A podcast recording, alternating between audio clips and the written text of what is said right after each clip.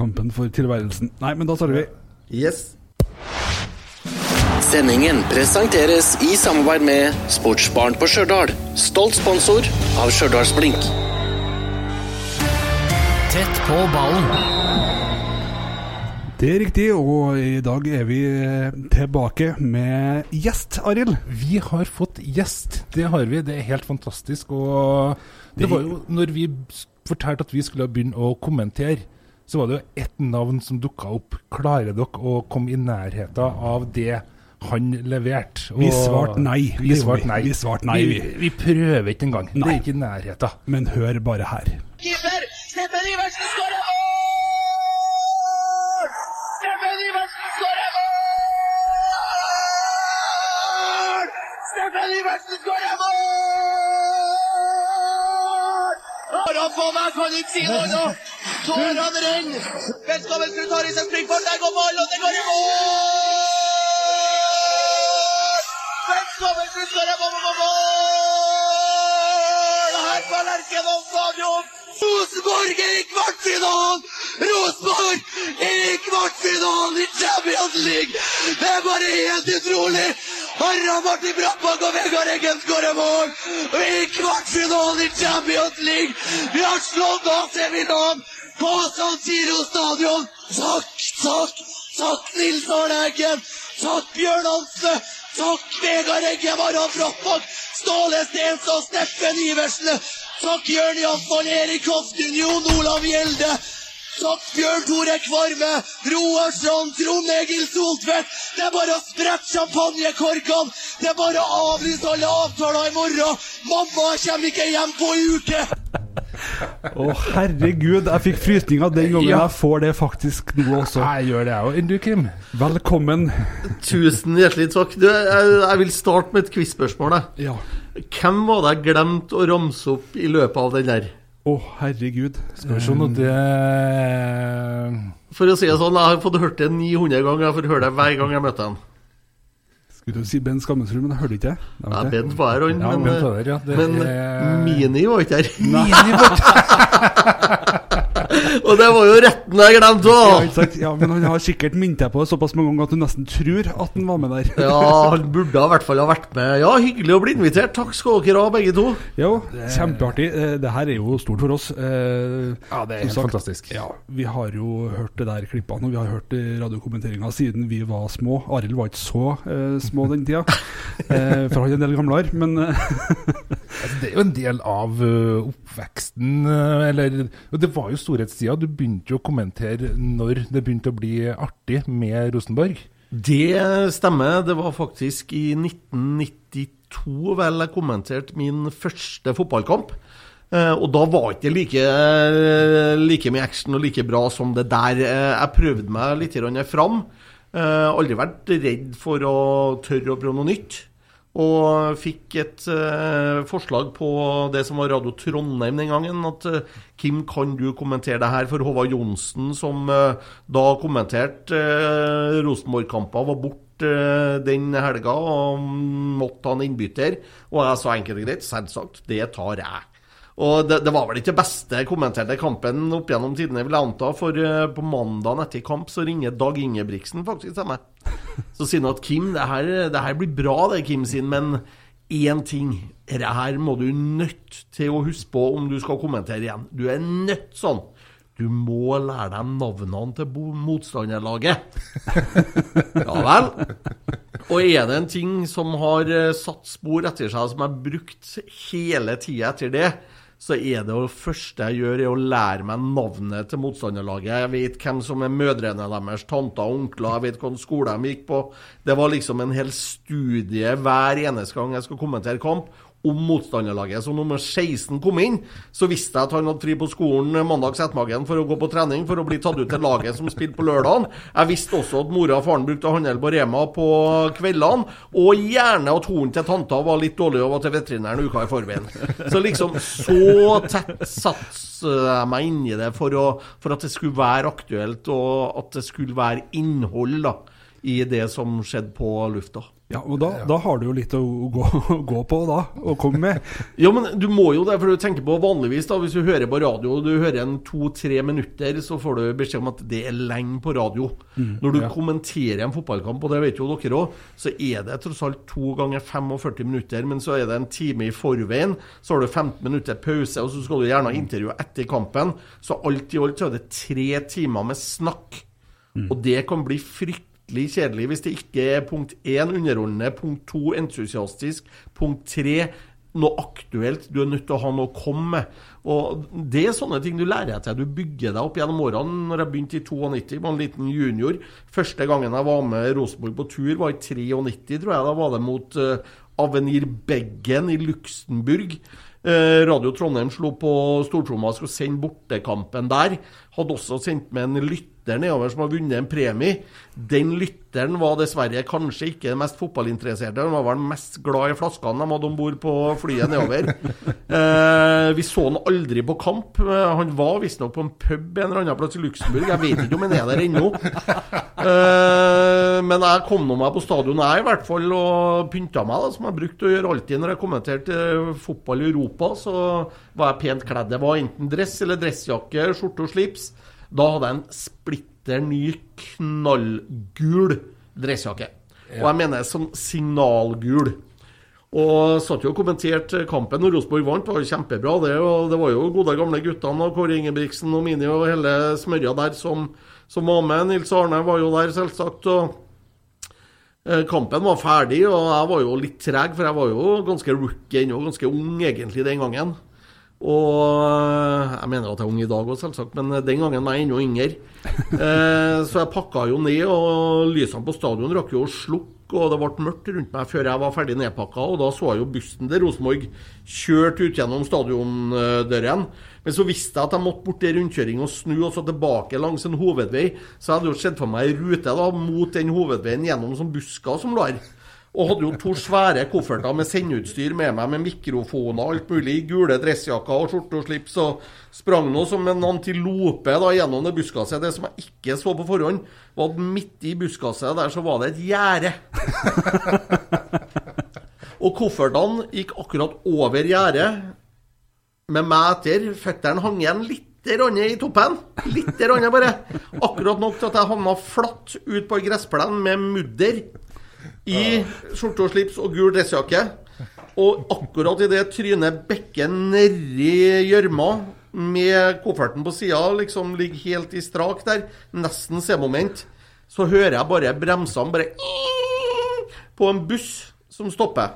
Spillerbussen, og ut ramler Kåre Ingebrigtsen, og han ligger og flirer i veikanten. Og hele Rosenborg-laget holder på å dette om inn på bussen. Han må sitte og sett med dem, da. Antilopen i galopp da gjennom buskene der. De så jo gjerdet fra bussen, det gjorde jo ikke jeg. Og det glemmer jeg aldri. Det var min debut på bortebane med Rosenborg. Og etter det så var jeg jo en del av gjengen, for de torde ikke å si noe galt om meg lenger. Det var liksom Det var han som lå med trynet i gjørma, det. Det var Kim på tur i. Det var sånn det var. Den gangen vi fant ut at det var litt forskjell på akkurat og akkurat ikke. Ja, det nære på var ikke godt nok. Men det her engasjementet, hvor, hvor stammer det fra? Hvor, hvor begynner den, på en måte? Jeg vet ikke helt hvor det stammer fra. For jeg er jo, øh, Min far var dansk. Familien min er dansk. øh, Morsan bor på Stjørdal. Eh, Naturlig nok. Ja, hun har vært flink til å si fra opp gjennom årene. hvis hun kan at det stammer litt storkjefthet derfra, altså. Ja. Og det med det danske, det tror jeg hjelper til at jeg tør å være meg sjøl. Jeg tør å prøve. Jeg tør å være med å få folk litt happy, få dem i gang. Og dermed så, så kommer det seg sjøl. Og så elsker jeg jo fotball, det er jo ikke noe hemmelighet. Jeg ser jo alt fra U17-EM eh, til ja, til, til VM, for å si det sånn. Så alt imellom og ingenting annet, det, det er fotball det stort sett går i. Og det, det sliter jeg med den dag i dag. Altså, jeg er jo gift med ei som er allergisk til og med mot grønt kress på TV-en. Ja, ikke sant? Ja. Så det må jo planlegges godt, det her, da. Ja, det, Det er jo ikke alltid det går. men, men tror du det er at du, fordi at du skal få litt sånn pusterom? Jeg tror det, men det jeg, jeg, jeg ser nok litt mer fotball i snittet, jeg må innrømme det. altså. Ja. Ja, jeg gjør det. Men, men du, du får pause der du slipper å snakke med hun om veldig mye fotball, kanskje? eller? Hun er vel absolutt overhodet ikke interessert i fotball, uansett engang hvem jeg var når jeg møtte henne, og det er jeg jo skjæreglad for i dag, så det, det kan jo kanskje ha vært en Det tror jeg var en suksessoppskrift, for da hvis da visste jeg det den gangen, så er det ikke sikkert at vi har vært her i dag. Ja, ikke sant. Men da vi starta her nå i 92, det klippet var jo eh, sist, i hvert fall da fra 96. Ja. Legendarisk kamp. Eh, legendarisk kommentering. Det her er jo grad. Ja, Takk for det. Jeg må ærlig innrømme at jeg ble vekt dagen etter den kampen av Nils Dalen, broren til Ole Dalen, som drev Bajasso i Trondheim. Ja. Ja. Og Nils ringte meg og sa Kim, du må slå på CNN. Ja vel. Må slå på CNN. Ja, ja, ja, slapp av, Nils. Jeg skal slå på CNN, jeg, sier jeg. Og på hotellet, jeg må jo innrømme at jeg var jo ikke helt eh, våken ennå, for at eh, det var jo en feiring den natta som, som eh, er legendarisk, som vi kan ta litt om etterpå. Men utpå ettermiddagen der så fikk jeg nå slått på den TV-kanalen, da. Og da viste det seg faktisk at jeg var Play of the Day. Som de hadde. Da hadde det vært en lur TV-fotograf som hadde snudd seg for at italienerne, når kampen var siste minuttene, så gikk jo de hjem. Med unntak av en gruppe på 600-800 stykker som trakk seg mot gjerdet ved siden av der jeg satt. For at jeg sto jo oppå bordet med Jeg hadde én sigarett i kjeften. Jeg hadde tre tente sigaretter i fingrene. Og jeg var jo helt fra meg. Jeg sto og hoppa og dansa opp her. Og the play of the day var the crazy Italian commentator in Milan. Og Det brukte jeg meg også på TV 2 om kvelden, men da var det jo noen som hadde ringt til Atle eh, hva Atle og Nilsen? Nilsen, i, i eh, mellom halv sju-sendinga og ni-sendinga har sagt at det er ikke italiener, det er en Kim Ruud, det der. Så Atle ringte meg da og lurte på om det var greit at han brukte navnet mitt i ni-sendinga, så sier jeg ja, ja, det er bare å kjøre på, jeg aner ikke hva du snakker om, så er det liksom, det er helt fint. Og da liksom ble, da ble jeg litt landkjent som kommentator akkurat der og da. For jeg hadde jo, i Trøndelag så hadde jo bygd seg opp et godt rykte, og vi hadde jo faktisk så mye lyttere på radio i Trøndelag at uh, jeg tror vi var dobbelt så stor som NRK P1 på målingene, faktisk, de, eh, de kveldene det var fotballkamper. Det var snakk om en 250 000-300 000 lyttere Det- i Trøndelag. Tror jeg Ja, det gir mening. Altså, gir mening. Det, det var jo det. Det var det om kampen gikk på TV. Det var jo jo, greit nok, men gå går på radio? Ja. Jo, men det en, ting, en ting skal du være klar over når du kommenterer en kamp, fra om det er fra Italia, eller om det er fra Stjørdal, eller om det er fra Åråsen, for den saks skyld, så er det tidsforsinkelse på TV-bilder i forhold til radio. Ja. Så at jeg lå alltid et sekund eller to eller tre foran TV-bildene. Og det fikk vi som reaksjoner på eh, allerede i 93-94. At vi var nødt til å investere i det som var knalldyrt utstyr den gangen. Jeg tror vi betalte en 50 000 kroner for en delay-boks som forsinka lydsignalene. Slik at eh, han som da satt i studio i Trondheim, han satt og justerte lyd, lyden min kontra TV-bildene, så at det matcha. Så at det ble nøyaktig. Og dermed så kunne vi da starte med show på Bajasso. Vi kunne starte med show på diverse utesteder, til og med Storsalen i Studentesamfunnet. Så kjørte de TV-bilder fra TV3, og så kjørte de radiolyden fra Radio 1. Og det, det var jo noe helt nytt i Radio-Norge. Det var jo helt fantastisk at det gikk an å gjøre. Og det er en av de tingene jeg er mest stolt av. At vi klarte å bygge et fellesskap. Vi fikk hele Trøndelag samla. Om det var studenter, om det var Blindeforbundet, om det var fotballklubber eller utesteder, så kjørte de lyden fra Radio 1. Og det ga jo en fantastisk opplevelse for våre sponsorer, ikke minst, som betalte Gilde. For det var jo ikke billig. Nei, det var ikke det. Helt klart. Og det, det er jo Men man forstår det jo når man hører på det. Altså, det Ja, ja, er ja. noe annet å få den opplevelsen der. Altså. Det, jeg kommer på sjøl, jeg har stått på Lerkendal med eh, Der jeg hører folk komment, hører kommentarer Eller kommenteringer samtidig. Det er jo litt spesielt. Det, Ja, men Det har jeg vært med på sjøl. Jeg har jo hatt uh, deg på øret mens jeg sto på Lerkendal. Ja. Det er jo ganske For å si det sånn, jeg må bare si takk, for det er utrolig artig å høre. Og litt spesielt å tenke på at han som er en av sjefene i NRK i dag, eh, Bjørn Tore Grøtte, som vel er radiosjef for alle kanaler i Norge, og Lars Petter Berg, som er innholdsansvarlig for alt på Radio Norge og Bauer Media, De toene eh, var sigarettennere til meg, dem på Lerkendal. Bjørn Tore han hadde som én jobb, han, og det var å stå bak meg og fikk sigaretten bak og fyrte opp den, så jeg slapp å høre eh, den lighter-lyden på lufta. Og det mimrer vi jo godt om ennå. Bjørn Tore det synes jeg var en fantastisk god historie. Han har jo da klatra til topps i NRK, da, mens eh, det gjorde heldigvis ikke jeg. sier heldigvis, jeg. Ja, sant, Ja, ja. det, jeg vet ikke om det passa der heller, sånn helt ærlig. Ja, det vet ikke jeg. Det for å si det sånn, kameleonen klarer å kle seg i det klesdrakta som passer der det skal inn. Ja, ikke sant. ja, men det der var da som sagt da 96, og det er jo ikke bare fotball du har kommentert. Nei, det er det ikke. Det er egentlig litt lett å glemme oppi det hele. For i tillegg til at eh, vi sendte alle kamper til Rosenborg, om det var hjemme eller borte, så sendte vi også landskampene. Og de gikk jo på Riks på det som heter Radio 1 Norge over hele landet. Eh, sammen med Karsten Skjelbred så var det jeg som kommenterte, og han i studio stort sett på alle eh, både hjemme- og bortematchene til det norske fotballandslaget, der vi fikk kjøpt rettigheter. Eh, vi eh, sendte også håndball. Det var både Skjetne sine kamper, det var Byåsen sine kamper, det var serie, det var cup, og det var Europacup. Eh, Trondheim ishockeyklubb, TIX sine matcher sendte vi. Eh, så det var, det var sju dager i uka var det alltids en ny kamp en eller annen plassen. Og hvordan stemmen min overlevde Nå gjorde den jo ikke det i perioder, hørtes ut som jeg var helt ramla ut enkelte men eh, det var slitasje på, på stemmebåndene de luxe når det var en ny kamp, en ny match, en ny sport hver eneste dag. Men det gikk, det gikk i mange, mange år. Jeg tror faktisk i en periode på fem-seks år så hadde ikke jeg fri ei eneste helg i løpet av et helt år. For det var alltid en eller annen ny kamp en eller annen plass. Det er kanskje det som er si, suksessoppskriften her, at du aldri var, rakk å hvile stemmen, så du alltid var litt varm. Du, jeg lærte faktisk tidlig, og det tror jeg var Bjarne Brøndbo som sa helt i oppstarten av det det er, og du er nødt til å prøve sånn stoff som vi bruker. Han, ja, det var han og Eva Bjerkol, husker jeg, som sang på Bajås en gang, som sa det. Og det heter for Echinea, eller noe sånt.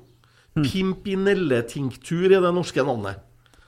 Og Da er det bare å gå på apoteket for dere og kjøpe Pimpinelletinktur når dere skal komme til Stjørdalsblink neste gang. Ja. Det, det er sånn dryppegreier du kjøper. Det er noe sånn uh, urteekstrakt av noe slag som du drypper på en sukkerbit. Åtte-ti dråper på en sukkerbit, og så har du den i munnen og smelter. Og det demper da sårskader i stemmen. Så det er veldig mye sånn artister, sangere, som bruker Pimpinelletinktur for å holde stemmen når de har konserter flere dager i uka og sånne ting. ja. Så det kan være et tips til dere. Pimpinelletinktur det er det nyordet i 2022 fotballmessig for dere. ja. Det, det må vi bare ta med oss. Det, ja, det, for det blir jo noe du skal F.eks. på Melhus, da. Gimse mot Lake. Ja. Sitte der med uh, sukkerbiten vår og et par dråper, så bare kjør på. Det For gi dere et råd, ikke gjør det hvis dere skal kommentere noe i USA, for da tror de det er noe annet tinktur på den flaska enn Pimpinelle, i hvert fall. ja. og da lurer jeg kanskje hva det sukkeret der er for noe. Ja, det, det kan bli tungt, det, faktisk. Det kan bli veldig tungt. Men eh, er det lett for deg å ha det engasjementet uansett hva du kommenterer, eller er det litt sånn eh, avhengig? Det er noe spesielt når det er trønderske lag, når det er liksom Trondheim, men også landslaget. For den saks skyld glemmer jo aldri VM i Marseille når det var liksom Norge-Brasil. Nå kommenterte ikke jeg da, men jeg var på stadion. Eh, satt på tribunen sammen med Kjetil Siem og kona til Solskjær og hele gjengen der. Og, og jeg var så utmatta til kampen at jeg klarte ikke engang å gå på byen. Jeg gikk og la meg klokka halv elleve på kvelden, for jeg var helt utslitt. Så, så engasjementet er der, men det er ikke like spennende med Molde-Kolstad i første runde i cupen, for å si det sånn, som det er med Rosenborg AC Milan på San Siro. Ja, Ja, for det er jo en kamp du har eh, kommentert. Det er en kamp jeg har kommentert, og det er jeg stolt over at den kom jeg meg faktisk igjennom. Men den kommenterte jeg for Radio 1 i Molde. ja. Molde mot Tromsø, ja. Ja. Det var veldig fint at de tør å ringe til meg og si at Kim, kan du kommentere den kampen? For jeg er jo dum nok til å si ja. Ja, ja. Og dagen etterpå så fikk jeg jo en telefon fra sjefen i Radio 1 Molde at du skal aldri kommentere for oss noe mer. Og det er jo noe av det jeg er stoltest av. Det er jo den sparken jeg har fått som jeg er mest stolt av i mitt liv. At jeg ikke skal kommentere noe mer for Radio 1 Molde. Det vil jeg jo si heller en seier enn et tap. Ja, Det er bare å gratulere, egentlig. Ja, det, det, er jo- det er jo en vinn-vinn-situasjon. Sånn jeg, Jeg lurte på om jeg fikk det skriftlig om, men det, det fikk jeg faktisk ikke. Det gjorde ikke jeg. Vi har jo eh, gjort litt eh, research. Vi jobber jo sammen med uh, flere faktisk av dine tidligere kolleger fra Radio 1-tida. Eh, vi spurte jo en, uh, Bård Danielsen om han hadde noen historier, og det Vi satt en god stund, uh, men så fikk han høre at vi muligens skulle sende det på radio, så da begrensa han det og trakk tilbake det aller meste. Men vi fikk jo høre at du har jo ikke bare Du er faktisk mer aktiv som kommentator enn du var på bedriftslaget til Radio 1. Det kan veldig godt stemme. jeg er vel den eneste som har fått tillatelse fra Fotballforbundet til å spille en bedriftskamp i oljehyre med en konjakk i hånda.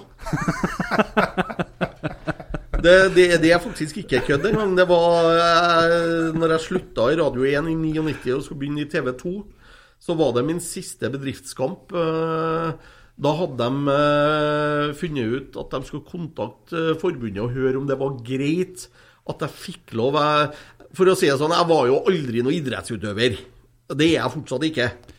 Men eh, å spille bedriftskamper syns jeg var steinlent. Ja. Jeg var målskårer, spiss, stående sådan. Ja. Bevegelig som ingen. Det vil si at jeg var ikke bevegelig. Nei. Og dermed så sto jeg opp i 16-meteren, og i bedriftsfotball så var jeg heller ikke offside, og det syns jeg er en fantastisk ting. Offside det er bare tull. Så da kunne jeg stå der. Og da, hadde da regna det, så da fikk jeg et gult oljehyre på hodet, og det brukte jeg. Og så to minutter før kampen var ferdig, så kom det Jeg husker ikke hvem det var, om det var Bjørn Skjæran eller om det var noen andre som kom inn på banen med et glass konjakk til meg. Og jeg fikk én beskjed at dette skal ikke søles ut. Og med den konjakken så klarte jeg faktisk å skåre mål òg. Og jeg søla ikke ut den, nei. Nei. Hvordan ble det feira, det, da? Med en konjakk. Ja, selvfølgelig. det høres ut som en eh, relativt god stemning, da. Kanskje vi skal gjøre comeback i Erlend? Ja, eh, comeback for konjakk, ja. Det, Ja, ja, ja. Det høres ut Ja, som men det å stå i 16-meteren, det var jo vi òg ganske gode til.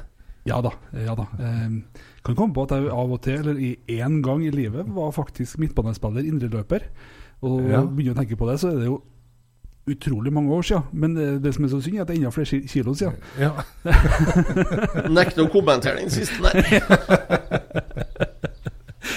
Det er sant. Men eh, etter eh, Radio 1-tida, som du sa slutta i 99, hvor eh, gikk jo ferden hen da?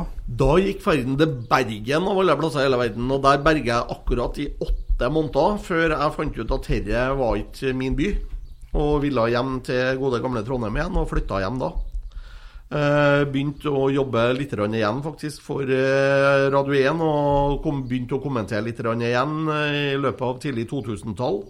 Uh, og så jobba jeg for Eurosport, og det gjorde jeg ganske mange år. Kommentert veldig mye forskjellige idretter og sporter for Eurosport. Og pendla til Stockholm, for da lå kommentatorlokalet som vi satt i Stockholm den gangen, før de fikk åpna i Norge i Ja, det var vel først eh, midten av 2000-tallet det ble eh, egne lokaler for Eurosport i Norge. Nå er Eurosport eid av eh, Discovery og Discovery Pluss og en del av TV Norge-konsernet. Det var ikke den gangen, da var det franskeid. Ja. Da var det et fransk TV-selskap som sto bak, og vi satt og kommenterte da med en fransk lydtekniker på øret direkte fra Paris. Og eh, er det én ting franskmenn ikke er spesielt gode i, så er det engelsk. Det skal de ha. Det er de veldig dårlige på. Så det var jo meget festlige sendinger enkelte ganger, som eh, vi prøvde å komme oss gjennom eh, på beste mulige måte. Ja, det må jo være altså, irriterende med en franskmann som du ikke blir kvitt. For du fikk sikkert ikke til å skru ned lyden på han. Det var han som styrte lyden. Han styrte lyden, men eh, én ting skal de ha. Det har vært mer irriterende å ha en møring i ørene enn en franskmann. Det, det er jeg ikke i tvil om, ikke engang 15 år etterpå. Så, så det å ha en møring i ørene, det, da har det bare vært å gå på dagen. Ja. Det- Og det er sikkert noe som du satt der og tenkte, og bare at når du hører at det er litt eh, gebrokkent, og du skjærer litt i ørene, tenker jeg ja ja, det kunne ha vært vær. Det, Det- kunne ha vært møring. Det er akkurat det. Og når du sitter alene i Sverige og liksom eh, Kjempebra TV-sending, og du skal kommentere VM i bowl.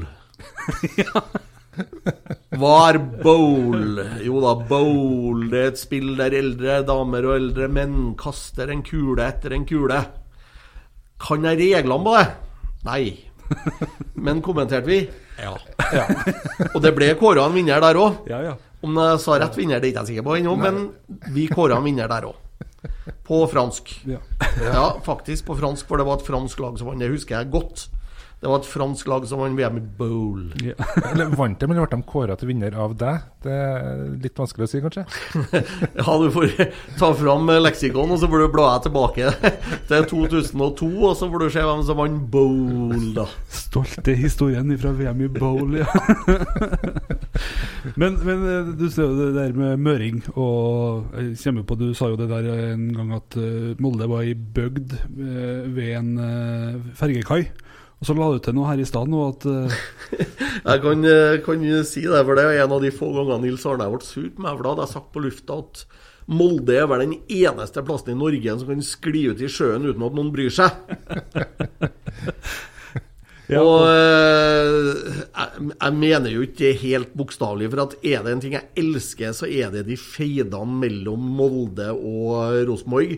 Og jeg har jo sjøl reist til Molde som uh, jypling, 13-14 år gammel, og sett fotballkamper der Rosenborg skulle spille. Og syns at det var jo et forferdelig sted å spille fotball. Ja. Og det har jo ikke minska noe med årene. Jeg begynner å nærme meg 50 år. altså Jeg syns fortsatt at Molde er et høl. ja. Klarer, de, det er kjempefint å bo på det seilet der og se utover Romsdalsalpene. Men de er på andre sida av fjorden! Ikke sant? De er ikke på Molde-sida av fjorden! Molde er fortsatt et høl. Da kan du bo på andre sida av fjorden, der det er fint istedenfor. Men ulempen med å bo på andre sida, da ser du Molde. Ja, men da har du det på avstand. Ja, det er faktisk sant. ja. Du vet at det er sjø imellom. Ja. Det er, noe, det er, liksom, det er bare å stoppe ferja, ja. Så slipper du det. At ingen har tatt ansvar og gjort det. Nei, det må jo kanskje bygges noe bru rundt der en eller annen plass, da. Ja, det må det. Og eh, jeg begynner å tenke litt på det nå, for du sa åtte måneder i Bergen, det var mer enn nok. Og én kamp i Molde var mer enn nok. Ja, og, og, og jeg lurer på om det der faktisk har vært med på å gjøre til den legendestatusen også du har i Trøndelag. At du faktisk tursa å si det, og tursa å på en måte bygge opp under de der samme eh, forventningene til sånne type oppgjør. Jo da, men det, det har også noe med det for at folk sitter hjemme og man gruer seg til kamp. Man gleder seg til kamp. Hva forventer man? Man krever alltid at Rosenborg skal vinne. Det er liksom bottom line uansett, og det gjelder sånn dag i dag òg. Selv om de har et lag under oppbygging. Halvparten av eh, guttene på laget har ikke fått skjeggvekst ennå. Det tar noen sesonger før de eh, blomstrer. Så ikke kjeft på Rekdal, nå fikk jeg sagt det òg. Men liksom, det der med å tørre å si hva du mener, det, det, det syns jeg er viktig. Jeg syns det er veldig viktig. For at folk er redd for at naboen mener det, og janteloven sier at du skal ikke si det. Kiss my bloody ass, unnskyld at jeg sier det på godt stjørdalsk, men du er nødt til å tørre å si hva du mener. Så kan det hende at folk er uenige med deg, og det skal du respektere. Uenighet er flott, det er derfor vi lever i Norge, et demokrati. Folk må få si akkurat det de mener. Ja. Og det gjelder i fotballkamper òg. Er det en idiot som dømmer kampen, så mener du at han er en idiot. Da må du tørre å si at han er en idiot, da. Ja, Du må ikke si at han er sikkert litt uheldig med opplæringa på offside-avgjørelser. Nei, han er ikke det, for at han har vært gjennom samme opplæringa som alle andre som er mye bedre enn seg. Det er liksom sånn Hvis at du spiller fotball sjøl, og du er halvt og springer sakte, og alle springer rundt deg, da bør du ta et valg, da. Enten så bør du finne deg en annen idrett, bowl, eller så, så går du av da, og så sier du at du er flinkere enn meg til, da kan du spille isteden. Takk. Ja. ja, vi kjenner oss igjen i det. Ja, ja, altså, ikke i bowl. eh, Nei, men det å gå av og gi seg Ikke Ja. på topp nødvendigvis, men å gi seg. Nei, det, det, kjenn sin egen begrensning. Ja. Det er det det handler om, og så må du tørre å si det. da Ja. Det er ikke noen grunn å skjemmes over det. Jeg er steindårlig i håndball. Jeg burde aldri ha spilt håndball i mitt liv. Tror jeg har spilt tre kamper, fikk to røde kort og har aldri spilt håndball etterpå. For å holde gjør jeg òg. Ja, Arild har jo la opp i 2006, uh, offisielt. Åtte Åtte, ja. som fotballspiller, Ja, ja. du burde lagt opp i 2006, det var sånn Ja, da. sånn var det. I 2008, uh, angivelig pga. skader. Ja. Ja, men skadene kommer ikke før i 2009. Nei, men det er sånn uh, det, Så det, Ikke så er farlig. Nei, Men det, det er en ting som er viktig å si, og da, at uansett hva du sier og liksom hvordan det er, så må det aldri være ondsinna. Ja. Alltid med godt humør, alltid med en god mening bak det. Man kan ha uenighet om hva som er god- dårlig humor og bra humor, og det kommer man til å diskutere, for smaken er som baken. Så, men aldri være ondsinna den dagen man går over til å bli ondsinna eller skal ramme noen for å ødelegge et eller annet. Da har du bomma totalt. Og det, det gjorde jeg aldri, eller over streken en par ganger kanskje. Men noe mer enn det mener jeg at jeg ikke var sjøl, da. Så kan jo folk være uenig i det. Men det er vel noe med det at hvis du skal på en måte skape det engasjementet, så må du være i nærheten av streken. Og da er du i nærheten av streken, så kan du ende opp med å kanskje utilsikta gå over en gang iblant. Ja, det er en, eh, episode jeg husker på som jeg var veldig lite stolt av eh, når skjedde. Og fikk faktisk kjeft av Uefa for det òg. Det var en russisk dommer som hadde dømt Rosenborg. Han var så møkka elendig at jeg tror ikke han hadde Han hadde ikke dommerutdanning. Han tror jeg gikk på bowl-utdanning og bare ble satt inn, satt inn til å lede en Champions League-kamp. Og da sa jeg et eller annet på lufta om at eh, jeg håper du skal hjem Aeroflot og at flyet ditt ramler ned et eller annet, og det var det noen som hadde klaga inn til Uefa. Og det, det var vond, det var vondsinna. Det var, ikke, det var ikke vondt ment, men det hørtes vondt ut. det Og var- det, det, det beklager jeg i ettertid. Det, liksom, den måtte jeg være stolt nok til å trekke tilbake, for det, det mente jeg jo ikke, selvsagt. Nei, ikke sant. Det, men det, sånne ting kan jo felle i kampens hete, på en måte. Eh, for fotball er jo følelser. Fotball er følelser, og det er det som er så herlig med fotball. At man har muligheten til å bli glad, man kan bli lei seg, man kan bli oppesen, nedesen. Alt i løpet av noen få sekunder. Og sjøl om det er verdens kjedeligste fotballkamp, så vet du aldri om det blir noen ting i det siste sekundet av matchen som kan snu opp ned på absolutt alt. Og dermed så blir det en kamp du husker for resten av livet. Ja, er for det jeg har tenkt på når jeg ser folk som går fra stadion før kampen er ferdig. Ja, Altså, hva er det? Skal slippe køa. Ja, Ja, Nå kan du holde deg hjem, da! Da blir det ikke noe kø. Nei. Nei.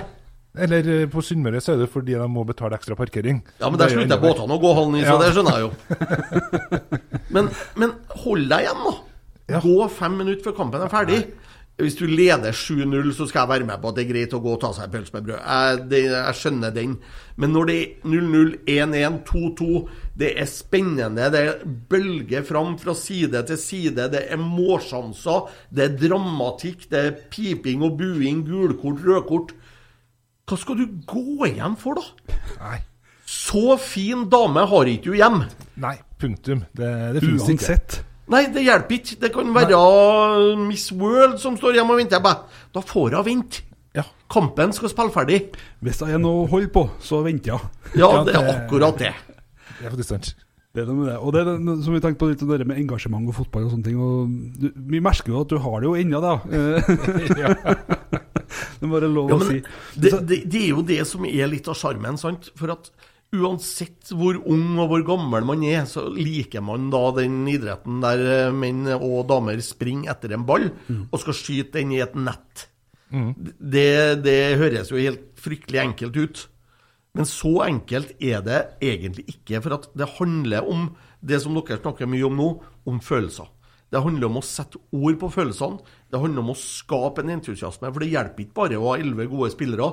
Du må ha den tolvte spilleren som er publikum rundt seg. Jo mer entusiastiske og glad de er, jo mer de er med og styrer kjernen nå. Hvor fantastisk jobb de har gjort de siste årene og bygd opp Øvre Øst til å bli en Ja, det er per i dag det beste supportergruppa i hele Norge, som er både hjemme og borte. Og de bidrar så gærent til å dra opp også entusiasmen til spillerne. For en spiller kan være nedfor en dag annen, kan ha en dårlig dag som fotballspiller. De er ikke eh, automatisk fritatt for å ha dårlige dager pga. at du er fotballspiller. Nei. Men da hjelper det med publikum som er der og hauser opp, som er med og gir deg den ekstra dragkrafta du trenger. Og den trenger du spesielt når du kommenterer, i hvert fall på radio. For der ser ikke folk stort sett kampene, de hører dem. Og da er jobben din én ting. Du er nødt til å skape et bilde i hodet på vedkommende som sitter og hører på det du sier. Og Hvis at han eller hun har igjen øynene sine, og da ser kampen foran seg, så har du kommet fryktelig langt med det du gjør. Hvis du i tillegg krydrer med litt gode historier og litt som skjer, eller kanskje ikke skjer, men du påstår skjer, rundt banen, så er det en gulloppskrift. F.eks. hva som skjer med hunden til foreldrene til han som byttes ut som nummer 19 nå, eller 16. Var til veterinær forrige torsdag. Ja. Hadde, fikk sånn hals. ja. Ja. For det var, det var Syns den kledde så godt at den valgte å beholde den, faktisk. Ja, det var, det var en grunn til at den fikk hals. Det var en kvinnelig hund. Ja, ikke ja. sant. Det var lysegul, da, til ære for dressen din, vil jeg tro. Ja, det mest sannsynlig så var det faktisk det. Men det, det har noe igjen med det vi, vi snakka om forberedelser. Det å gjøre ting liksom og Det alltid å være bedre enn nestemann på det du holder på med. For det, det har mye med det å gjøre også, at uh, du skal være godt forberedt på det du holder på med. Du skal kunne det bedre enn andre. Hvis at nummer eh, 11 på Stjørdalsblink kommer inn på kampen i kveld, hvem, eh, hvem er han? Erlend? Det er en Olufsen. Ja. Joakim. Joakim Ellen Olufsen han er jo min navnebror, eh, faktisk. Så, så vi eh, Heldigvis er bortekamp. Ja, men det, det, der ser du, men det er akkurat sånne ting. Du er nødt til å ta det lynkjapt. På, på radio så har ikke du tida til å vente, for at du er- skaper bildene. Folk ser ikke dem. Så dermed så handler forberedelsene er egentlig alfa og mega for å lykkes med det man holder på med. Det gjelder alle jobber, men spesielt når man skal sitte og kommentere en- en idrett og skape bilder i hodene på folk. Da, da handler det om å formidle det på en sånn måte at de forstår hva du sier. Veldig enkelt, veldig lettfatta og veldig kjapt. Men du, litt om Rosenborg, og noe samme du var inne på det. Du eh, nevnte jo så vidt, det er en eh, gjeng med veldig mange som ikke har fått skjeggvekst. Eh, som har litt å si for uh, hvordan det blir presentert. Uh, det er jo litt synd for dem å tenke på at jeg fikk skjeggvekst først når jeg var 35. Så de kan ikke vente i all evighet. Men hvordan status, hva tenker, hva tenker du om Rosenborg sånn per nå? Zlatan er 40 og har fortsatt ikke fått skjeggvekst, så det går an. Det er da sannsynligvis den eneste sammenligningen som kommer mellom meg og Zlatan på en Ja, stund, vil jeg det tro. er lenge siden sist, og lenge til neste gang. Men når det gjelder Rosenborg, så må vi gi dem litt tid. Jeg sa jo allerede faktisk tilbake Ja, vi snakker to og et halvt år, tre år tilbake i tid, at Kjetil Rekdal kommer til å ta over Rosenborg, og Kjetil kommer til å lykkes i Rosenborg. Og ingen trodde meg den gangen. De trodde at jeg var helt uh, spinnegal. Eh, jeg møtte eh, Kjetil på Værnes rett etter at han tok over Rosenborg. Så sier jeg Kjetil, jeg sa til deg for over to år siden at du havner i Rosenborg. Jeg vet det, Kim. Du hadde rett da, sa han. Ja, altså, jeg bruker som regel å ha det, så jeg, er sånn eh, ydmyk som jeg er. Ja. Ja, så eh, Det han gjør nå med Rosenborg, er å bygge opp en eh, ny spillestil. Han holder på å bygge opp et nytt lag. Mye av de spillerne som han tok over, og som fortsatt er på Lerkendal, er kanskje ikke spillere som passer helt inn i i spillesystemet som han har vært vant til å bygge opp. Det betyr at vi er nødt til å bruke litt tida på å forandre både laget og spillestilen, og det kommer nok inn nye spillere etter hvert.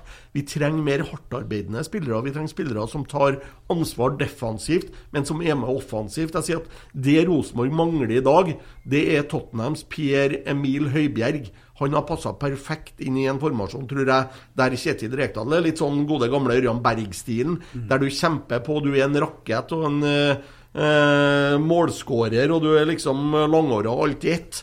Og det, det trenger Rosenborg. Det har ikke vi per i dag. Vi mangler akkurat det leddet der. Jeg tror at det kommer til å hjelpe til med å få Rosenborg framover hvis vi får en spiller. Kristian Eriksen med HamKam, som vi snakka om, som er hardtarbeidende defensivt, men en fantastisk målskårer offensivt, er akkurat i den gruppa der. Det, jeg tror, og jeg er overbevist om at Rosenborg kommer til å klatre til topps, men ikke i 22-sesongen. Og det har jeg sagt hele veien. Jeg tror Rosenborg vinner seriegull neste år. Jeg tror ikke vi vinner gull i år, dessverre. Ikke Det tror jeg kanskje etter kampen i går eh, Mange Rosenborg-supportere de hørt om Kristian Eriksen og tenker oh, ja, ok, er det ned nivået vi skal ligge på? Men så tror jeg at veldig mange etter kampen i går tenkte ja, kanskje skal vi det. Ikke sant? Ja, for Det er jo interessant det at han er jo, som du sier, hardtarbeidende. Det er ikke et navn. Eller jo, Christian Eriksen er et fotballnavn i aller høyeste grad, men det er ikke han vi tenker på da. Men det er jo det vi ser med HamKam. Det er hardtarbeidende over hele fjøla. De kjempa jo Rosenborg fullstendig ut av stilen. Det var, ikke noe, det var klasseforskjell på innsatsen. Ja, og, og det, det- var et ran, egentlig, at Rosenborg fikk med seg poeng. Ja, men Det er det det handler om. Det handler om liksom Det Nils Arne gjorde da, tidlig på 90-tallet. Han tok en gruppe spillere som egentlig var individualister og sånne ting. Satte dem sammen til et lag, spilte dem sammen.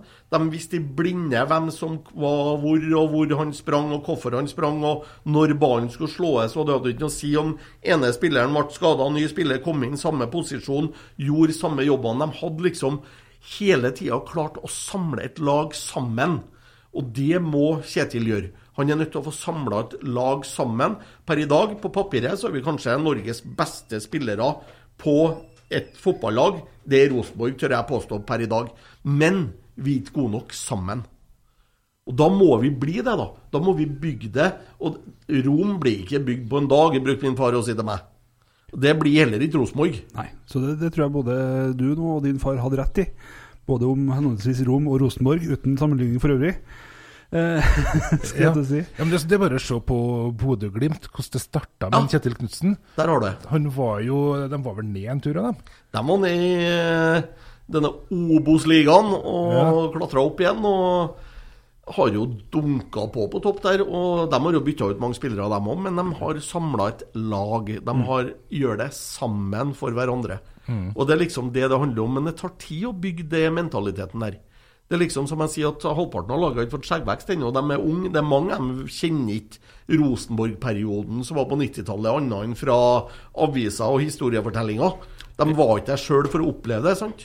Nei, kanskje du skal spilt av noen klipp med gode, gamle Kim Ruud fra Jeg tror faktisk det. Altså, du, du får den eh, litt sånn nesten ærefrykt for å gå ut på den eh, gressmatta da, når du hører den. Det forventer jeg, det bør de virkelig gjøre da, Ja. faktisk. Men vi må tilbake igjen til dagens gjest, for nå har vi kommet oss godt ut på 2000-tallet. Og så ble det vel litt eh, bort ifra radio og litt mer inn i eh, andre bransjer. Det ble det. I 2006 så valgte jeg å ta steget inn i spillbransjen. eh, Med odds og poker og kasino, og flytta da til Tallinn og begynte å jobbe i NordicBet eh, den gangen. Og det er et eh, valg som jeg aldri angra på å ta. Jeg storkoser meg. Jeg jobber jo mye med sport i dag òg, men på litt andre måter. Vi sponser jo lag og spillere. og nå er det jo Betson som jeg jobber i, som, har, eh, som kjøpte opp eh, NordicBet i 2011. og Betson er jo en av Europas største spilleselskap. Vi er jo over 2000 ansatte. eh, og har kontorer stort sett over hele Europa. Og jeg har jo sjøl kontor på Malta i disse dager, så jeg reiser jo veldig mye fram og tilbake over hele verden. og må ærlig innrømme at det å jobbe på den sida også, som vi sponser jo veldig mye Både i Danmark har vi jo NordicBet-ligaen. Det er jo det som er Obos-ligaen i Norge. Det, det har jo vi i Danmark. I Sverige så er jo også Betson hovedsponsor for Champions Hockey League, og har også vært i SHL, som er den svenske hockeyligaen. Eh, vi har fotballklubber og samarbeid med fotballforbund i Chile og i Colombia.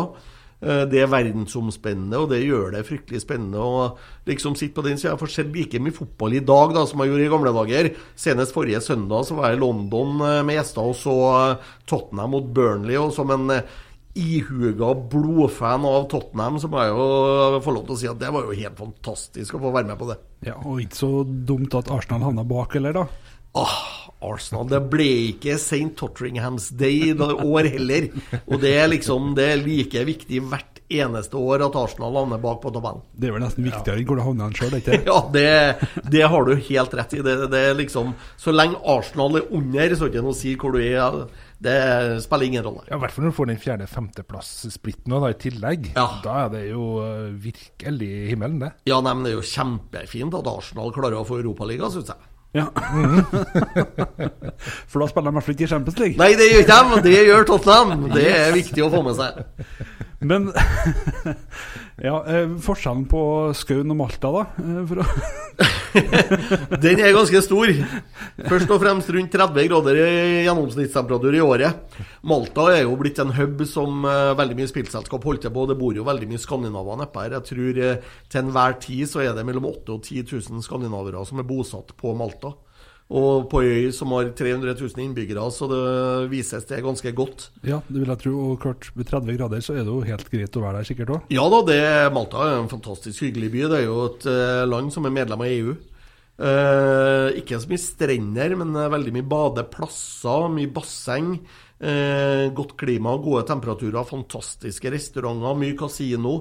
Det er liksom eh, blitt sånn lite mini-Las Vegas i eh, Europa som eh, ligger utenfor kysten av Libya, langt nedi her.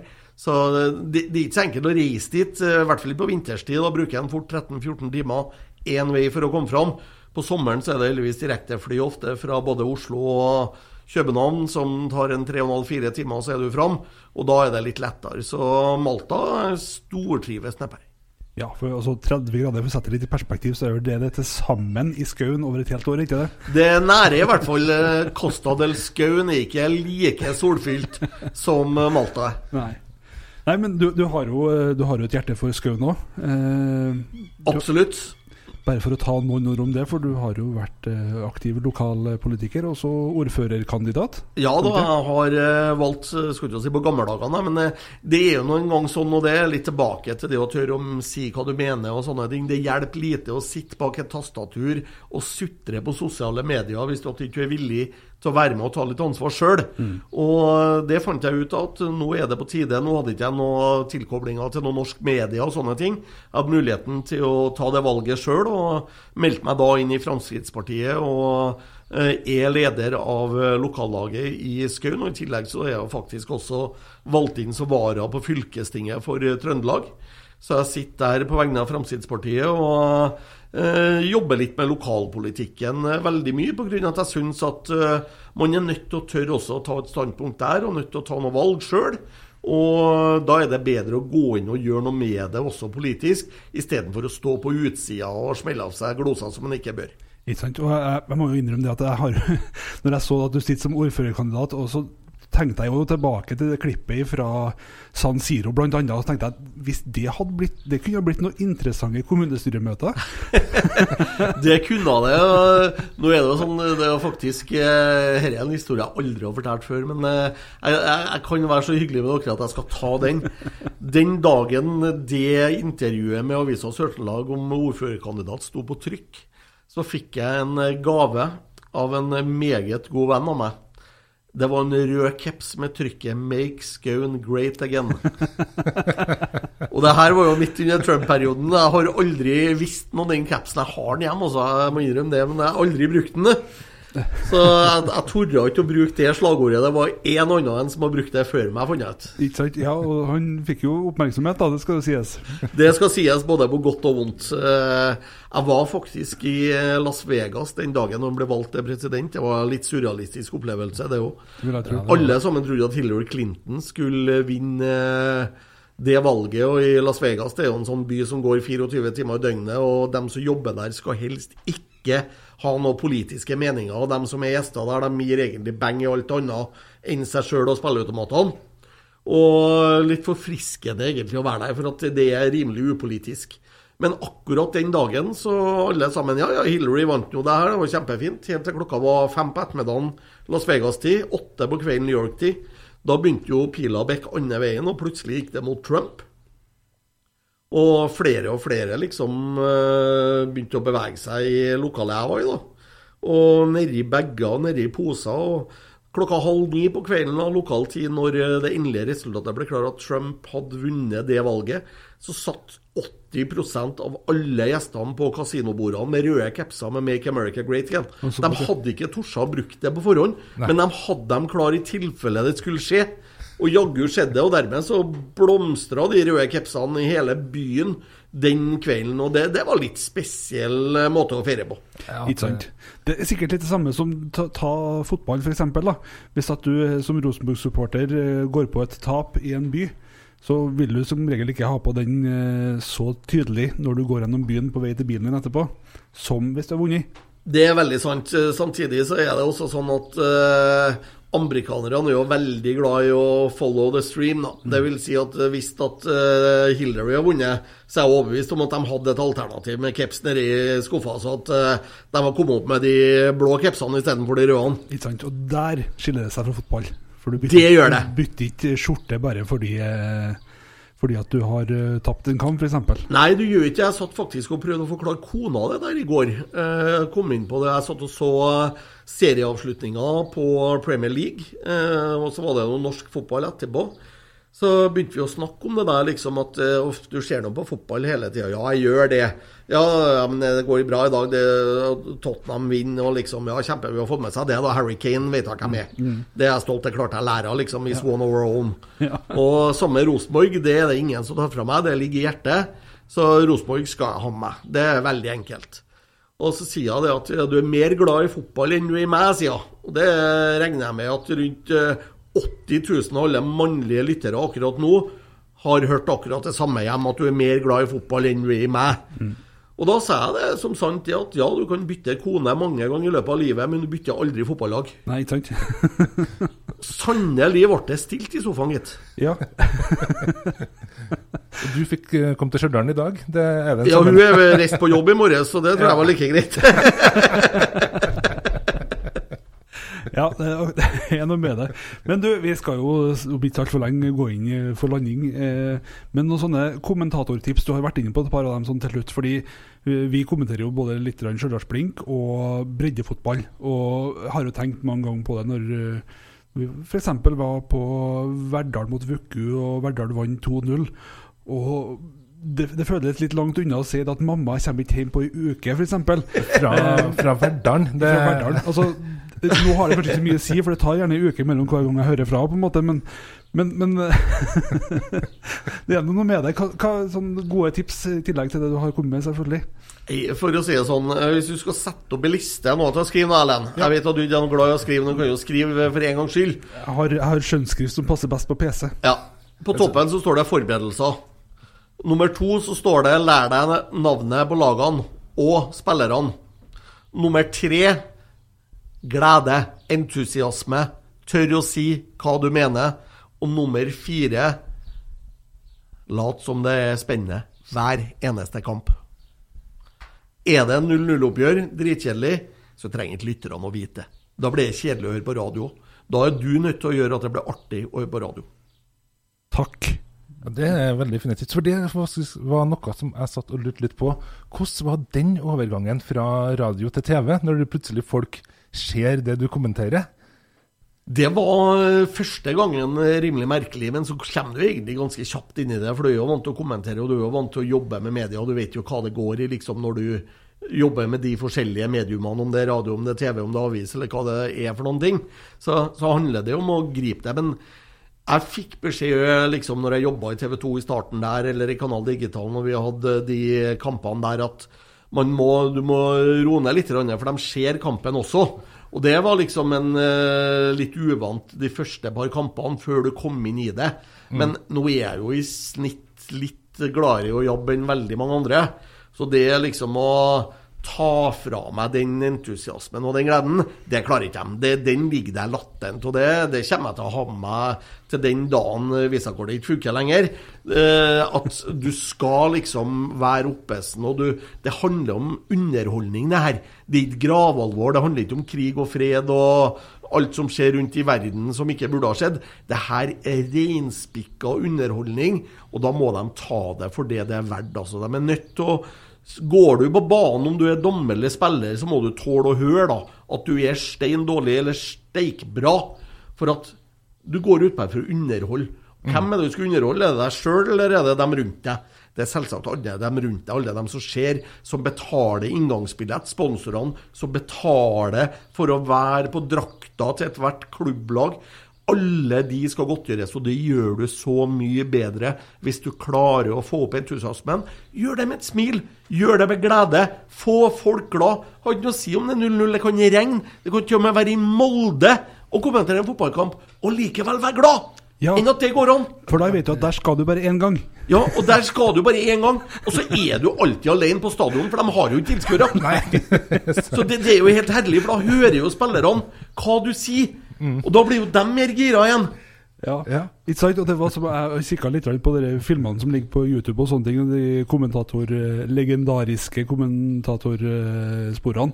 Og så står det jo eh, så fint Veldig sånn Å, legendarisk. eh, Her er gåsehud, alt mulig sånne ting. Og så står det, så står det nederst, så sto det på en plass Er han så gal? Sto det.